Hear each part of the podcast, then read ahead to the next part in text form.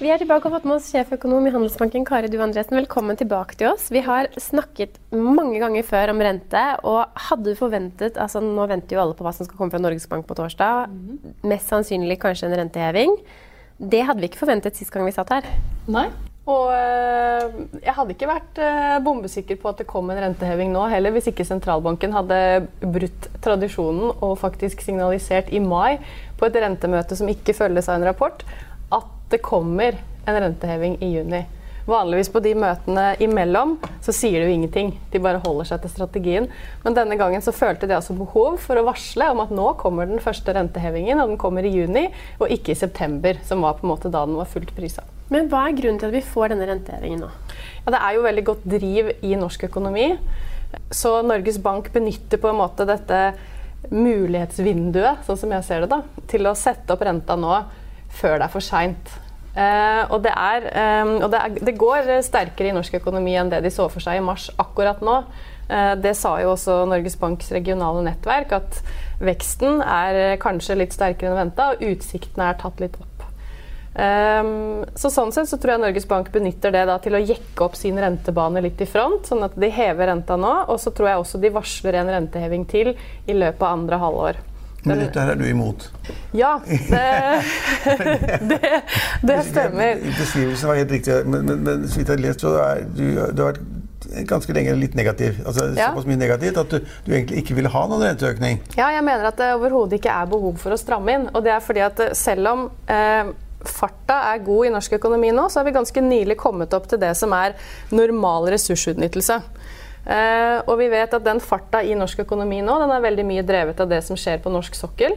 For der er det en voldsom vekst i investeringene i år, men vi vet at den veksten den blir mye svakere til neste år. Ja, Men det blir vekst til neste år òg? Ja, det, det, gjenstår å se. Ja, ja det gjenstår å se. Det ene ja. er tross alt 2019, men, ja. men, men de, de, eh, de de som kommer fra prognosen, mm. så er det at det ble kraftigere vekst i år enn man trodde. Mm. Og så ble det fall til neste år i forhold til utgangspunktet for 2019. Så blir det fall ja. da i investering, men likevel høyere da. Ja, da, altså, Det kan godt hende at det blir eh, så vidt positiv vekst også til neste år, da. Men mitt poeng er at i år så går det veldig godt i norsk økonomi. Til neste år så tror jeg vi i mye større grad blir truffet av det som skjer internasjonalt. Da har vi ikke oljen som i samme grad bidrar til vekst. Og dermed så tror jeg det internasjonale nedkjølingen eh, vil dominere. Så jeg mener det er ganske åpenbart at eh, det går bra nå, men det er liksom et, et uh, situasjonsbilde. Og jeg tror at vekstutsiktene uh, definitivt er svakere enn det Norges Bank la til grunn i mars. Det, handelskrigen har eskalert, og vi ser jo at uh, internasjonale investorer venter jo nå faktisk rentekutt fra Fed, f.eks. Så um, når man da har kommet til et normalt um, aktivitetsnivå, eller en normal ressursutnyttelse i norsk økonomi, og vet at uh, om ikke lenge så skal det ned igjen, så, så, ser ikke jeg behovet for å stramme inn i pengepolitikken. Men du sier jo også at det nærmer seg en type rentetopp, at det kan hende at vi får en renteheving da i andre halvår, mm. men så tar det slutt. Ja, fordi at jeg tror Norges Bank, eh, selv om de da antagelig hever rentebanen sin litt i front, så tror jeg de må senke den lenger ut på kurven sammenligna med det de trodde i mars. og det er fordi at Eh, vekstutsiktene ut er lavere, og internasjonale renteforventninger er ganske mye ned. Og det trekker ned på Norges Banks eh, renteprognose. Så jeg tror at eh, banen er omtrent sånn ti punkter høyere i front og ti punkter lavere uti der, så den blir litt flatere. Og det betyr at det bare er en viss sannsynlighet for at det kommer en renteheving da, etter den jeg tror det kommer senest i desember. Ja. Men et, et, poeng ved å, å, ha en høyere rente hvis de går inn for det, er jo også da det at det kanskje da moderere den importinflasjonen vi har. Ja, men inflasjonen er på vei ned. Krone, kanskje? Vi får sterkere, sterkere krone. Ja, men inflasjonen er ikke noe å bekymre seg for. Nei, nei. Den er litt over 2% men den er på vei ned. Og antagelig så blir ikke lønnsveksten høy nok til å holde inflasjonen over målet. Men så, så det... svak som krona er nå, så vil det påvirke prisbildet litt da. Ja, men, men eh, ja, så krona er jo litt svakere enn det Norges Bank har lagt inn. og Det er jo også noe som bidrar til da, å løfte rentebanen litt i front, nettopp fordi at det bidrar til høyere inflasjon enn de hadde sett for seg. Men inflasjonen, sånn som jeg ser det, er ikke et eh, forhold som Norges Bank må eh, korrigere for nå.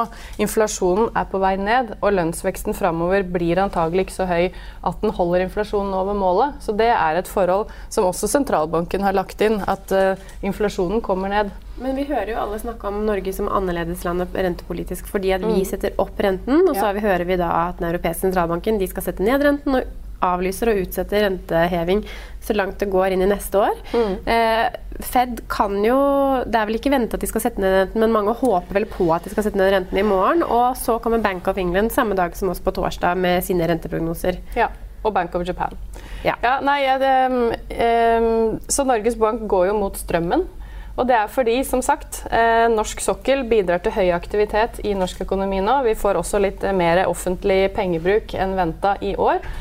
Eh, sånn at aktiviteten her til lands den er god. Men, men, mitt poeng er også noe av det du da nevner, at de, de, utenlandske sentralbankene skal faktisk kutte fordi det går dårligere der ute. Og det vil treffe oss som en liten, åpen økonomi. Så jeg mener at når vi nå er på et relativt normalt uh, ressursnivå, uh, så burde vi heller få en liten oppgang og la det skje. Det er ikke nødvendig å stramme til den eh, situasjonen vi ser i norsk økonomi. Kanskje vi kunne få litt flere folk eh, i, enda litt flere folk i arbeid og enda litt mer Er det mulig å få flere folk i arbeid? Ja, Hvis du spør Steinar Holden, så er det godt mulig. Ja, men, er ikke Nav-ledigheten på 2,2 eller noe sånt? da? Ja, det er omtrent normalt. Det er litt lavere enn normalt. Ja, også, ja, men det, jo, men ikke sant? 2, opp... ja, men 2,2 det er jo ikke noe ledighet i det hele tatt. Nei, men du strammer jo inn hvis du ser for deg en, en sterk oppgangskonjunktur, og det gjør du ikke. Det er det som er poenget Nei, mitt. Har, hvor mange, mange ubestemte stillinger har vi i Norge nå? Nei, det vet jeg ikke. 60 000. så ja, ja, så, så, så vi jo, men, men ikke sant? Hvis du, hvis du, er i en situasjon hvor eh, du er omtrent på et normalt nivå, og så vet du at det kommer til å gå dårligere ganske snart ja, hvorfor, hvorfor, skal, du, hvorfor skal du, Jo, fordi at du ser jo hva som skjer internasjonalt. Ja, vi er jo ikke immune mot det. Nesten. Nei. men, men, du har jo også Vi hadde jo deg i studio i januar, og så har du vært på et spennende kurs. Ja. Eh, og der vet jeg at det fikk jeg vite, i hvert fall, i, rett før sending, at der var geopolitikk et viktig tema som ble tatt opp. Og, og det skjer jo veldig mye ting geopolitisk. Snakker du om Forsvarets høgskole? Ja, Forsvarets ja, ja. sjefskurs. Sjefskurs, ja. ja. Ok, Ikke høyskolen, men sjefskurs. Ja, altså Det er jo på høyskolen, da. Men Heter det det nå? Sjefskurs? Det heter Forsvarets sjefskurs. Ja, Der skjønner jeg at det er mye geopolitikk. Forsvaret er helt avhengig av det. Men vi også snakker mye om geopolitikk, og da er det jo litt interessant å høre hva Kari tenker om det vi ser skjer der ute.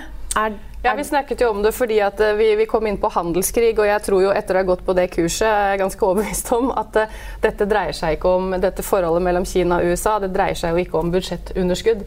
Det dreier seg om at Kina som en stigende makt etter hvert utfordrer USAs dominans. Og det tror jeg USA kommer til å prøve å motarbeide med alle midler. Og det er ikke bare økonomisk Kina vokser, det er også militært. Så eh, jeg mener jo det ligger an til en eller annen form for eh, konflikt. Og dette er på en måte en, supermaktrivalisering som jeg tror dreier seg om veldig mye mer enn handelskrig. Så dersom det skulle komme på plass en avtale nå på G20 f.eks., så tror jeg den avtalen vil være ganske så marginal, og det, det der kan blusse opp når som helst. sånn Men, som jeg ser akkurat Men vi snakker nå, akkurat mm. vi snakker nå, så kommer det meldinger fra USA mm. at Trump har tweetet om, om, eller hatt en, om en telefonsamtale med den kinesiske presidenten, mm. og den var strålende positiv. Ja. De skal møtes på G20, er bestevenner igjen, ja. og der går aksjemarkedene. Ja, men det skjønner jeg. Men så gjør de det, det for en liten periode, og så blir det dårligere. Kommer en ny tweet, da. Men er det da Donald Trump som på en måte prøver å begge, altså Hvis de nå møtes på G20 og kommer til en avtale som kan være midlertidig, eller den kan blusse opp igjen, mm. er det da for på en måte roe ned de effektene som preger, altså som også rammer USA negativt av en sånn handelskrig? Ja, det, det, jeg tror jo for så vidt at det er i Donald Trumps interesse at uh, aksjemarkedene ikke knekker mennesker. Og han, jo, han, skryter jo veldig av at uh, etter han ble president, så har det jo gått veldig sterkt i amerikansk økonomi og i amerikanske markeder. Uh, og det er klart at en, um, en De har det. Ja, og en handelskrig som bare eskalerer, og som nå demper sentimentet så mye som har gjort, det det, det, etter hvert så blir det jo fare for at, at aksjemarkedene kan liksom falle mer dramatisk. Uh, og det tror jeg jo han ønsker å unngå. så, en, så en sånn type begrensa avtale har vi på en måte sett for oss kan være mulig, men jeg tror ikke de mer fundamentale problemene som går på at Kina Uh, urettmessig uh, si, stjeler uh, åndsverk og teknologi fra selskaper som vil etablere seg. De mer fundamentale problemene tror jeg overhodet ikke de kan bli enige om på G20. Men La oss hoppe da til altså, Trump og USA. Nå har jo Trump et par dager siden og gikk han ut og sa en, en, en kritikk av sentralbanksjefen. Mm. Og sa at han syntes ikke han gjorde jobben sin ordentlig. Mm. Han har sagt, før har han sagt at jeg skal styre men nå sa han at han syntes ikke han gjorde jobben helt ordentlig.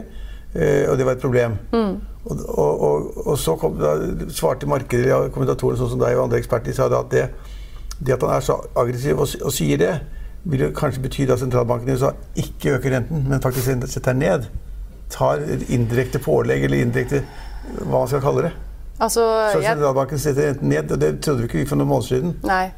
Nei, altså det er jo rentemøte i Fed i morgen, og vi får jo beslutningen klokka åtte er det vel i morgen kveld. og det Eh, du, du, var inne på hvor mange som venter på rentekutt nå. Jeg så før jeg dro hit at det er ca. 20% som venter rentekutt i morgen. Eh, men, men så er det, er det ganske rått, da? I forhold til hva vi tilbake noen måneder bare, så var det liksom, Hvor mange ganger skulle Fed, Fed øke? Ja. Tre eller fire ganger? Ja, så Du kan ikke avskrive det fullstendig. Jeg tror nok det er altfor tidlig. Men hvis du ser på i juli, da, så er det jo prisa over 80% sannsynlighet for et kutt. Så det man sitter og venter på nå, er jo at Fed om eh, noe skal signalisere lavere renter framover. Så hva Fed sier nå denne uken, kommer til å bli viktig for markedene. Men det har vel vært noe svakere makrotall fra USA den siste tiden?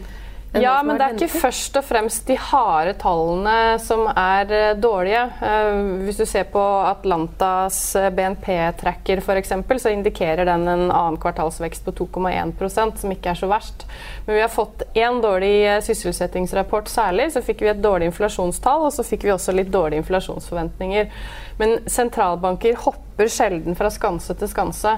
Så jeg tror det er mer snakk om at de vil se an eh, i noen måneder til, og så vil de antagelig signalisere i morgen, tror jeg, at eh, de kan sette ned renta hvis det blir behov for det. Men, men i går kom det en kraftig uh, negativ melding. Empire State Building Index for et eller annet. Det er da industriproduksjon i New York-området. Mm. Og den falt så kraftig. Det er det største fallet noen gang i ja. indeksens historie. Det høres jo helt skummelt ut, med negativt signal. Ja. Det kan jo da sentralbanken bruke som et, ikke et påskudd, da, men som en begrunnelse eller et faglig grunnlag mm. for å si at ok, altså vi setter ikke renten ned fordi at Donald Trump krever det. Mm. Vi setter ned fordi det går elendig altså i, i henhold til den indeksen. da. Ja, For å demme opp for det. Ja, det, det, det er en mulighet. Jeg, disse regionale indeksene er jo mye mer volatile enn den nasjonale ISM-en. Så kan hende at de velger å få litt mer data. Jeg tror kanskje det. Eh, men eh, ja, jeg tror at de kommer til å legge an en veldig sånn myk tone for å prøve å roe ned markedene. Men la, nå går det jo her hjemme, så det, blir det veldig spennende på torsdag. Vi venter jo da en renteoppgang, men da blir det den høyeste renten vi har hatt i Norge. Er det på fire år? Å ja, det husker jeg ikke helt. Men eh, ja, vi kommer jo opp til 1,25% da. og så tror jeg som sagt vi kommer opp til 1,5% i løpet av andre halvår. Eh, og så kommer vi kanskje ikke videre. Eller, altså, dette tror jeg vil være Norges Banks prognose. Sånn som det vi forventer i Handelsbanken, er at junihevinga blir den siste. Ja. Ja, da, da, er vi, da er vi bare på 1,5. Det er på 1,25. 1,25. Hvis, ja. hvis, hvis, det er den siste, mm. så er det 1,25. Og hvis du får da 25 rentepunkter til i, i desember eller whatever, mm. da er du oppe i 1,50. Ja. Men det er jo også det er, er ingen Du må huske på at uh, den nøytrale renta, da, sånn som Norges Bank ser det, den nøytrale styringsrenta ligger sånn røftlig mellom uh, eh, 1,6 og 2,6% Så da er du oppe i nøytralt territorium, da, i så fall. Mm.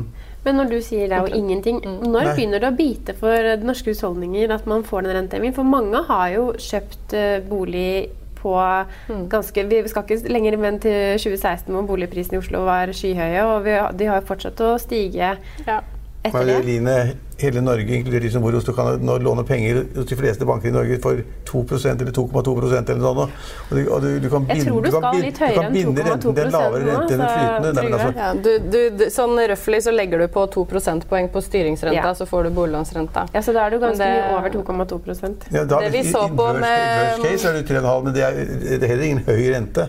Men hvis du ser på, vi, vi, på, eh, vi gjorde en sånn analyse på dette her på Norges Banks rentebane i desember. og Da hadde de opp til 2,25% tror jeg det var. Og så du så si du får en boliglånsrente på ca. 4 da. Da er du på samme gjeldsbelastning eller rentebelastning for norske husholdninger med den gjelda de har nå, som de var eh, omtrent i 2008. Da, renta var, da var jo styringsrenta på nesten 6% Ja, da hadde man vel 7-80 ja. Så du, det er klart at med, med all den gjelda, så, så, er det, den er mye tyngre å bære selv på lave rentenivåer. Mm. Ja. Ja, men, det, ja, det, men jeg tror, det jeg tror ikke sant, altså, i forhold til boligmarkedet og sånne ting, og også det der å, å ta på seg mer lån, det er at renta har jo falt i 30 år. Så jeg tror folk har blitt vant til at renta bare blir lavere. Så jeg tror det i seg selv, at renta har nådd bunnen og litt på vei opp, det er en sånn psykologisk faktor tror jeg, som bidrar til å bremse ja, kredittveksten. Det er helt enig, det et godt poeng, men, men, vi må ikke glemme at vi alle har fradrag for rentene i selvangivelsen. Staten betaler en fjerde eller sånn. Ja, Men du ser jo på kredittveksten. Den har jo gått veldig ned siden disse nye reglene kom på plass. så De ser jo ut til å funke. Og så tror jeg også det har hatt en effekt, det at sentralbanken har varsla at rentene skal litt opp. Ja. Så da i morgen, nei, torsdag venter vi renteheving. Hva tror du kommer fra Fed i morgen?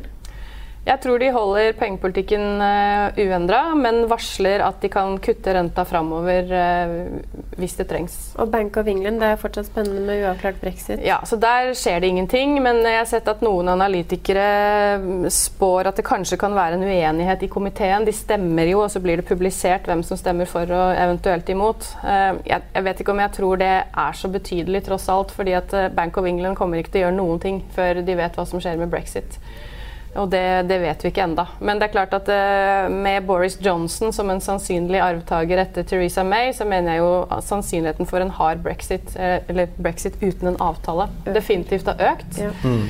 Og det gjør jo antagelig Bank of England enda mer tilbakeholdne med å skulle stramme inn i pengepolitikken. Men, men, men, men, så kommer meldingen der fra den, den europeiske sentralbanken, ja. Draghi, som sa mm. det at Jeg har bare sett overskriftene, så jeg har ikke lest uh, Overskriften sier at han sier at nå må man regne med nye lettelser og lavere renter og ja, Det han sa, var at eh, hvis, hvis, det ikke bedrer seg, hvis ikke utsiktene bedrer seg, så må det mer ekspansiv pengepolitikk til. Ja, og, og, da, ja, og da er det både rentekutt og QE på menyen. Ja. Mm.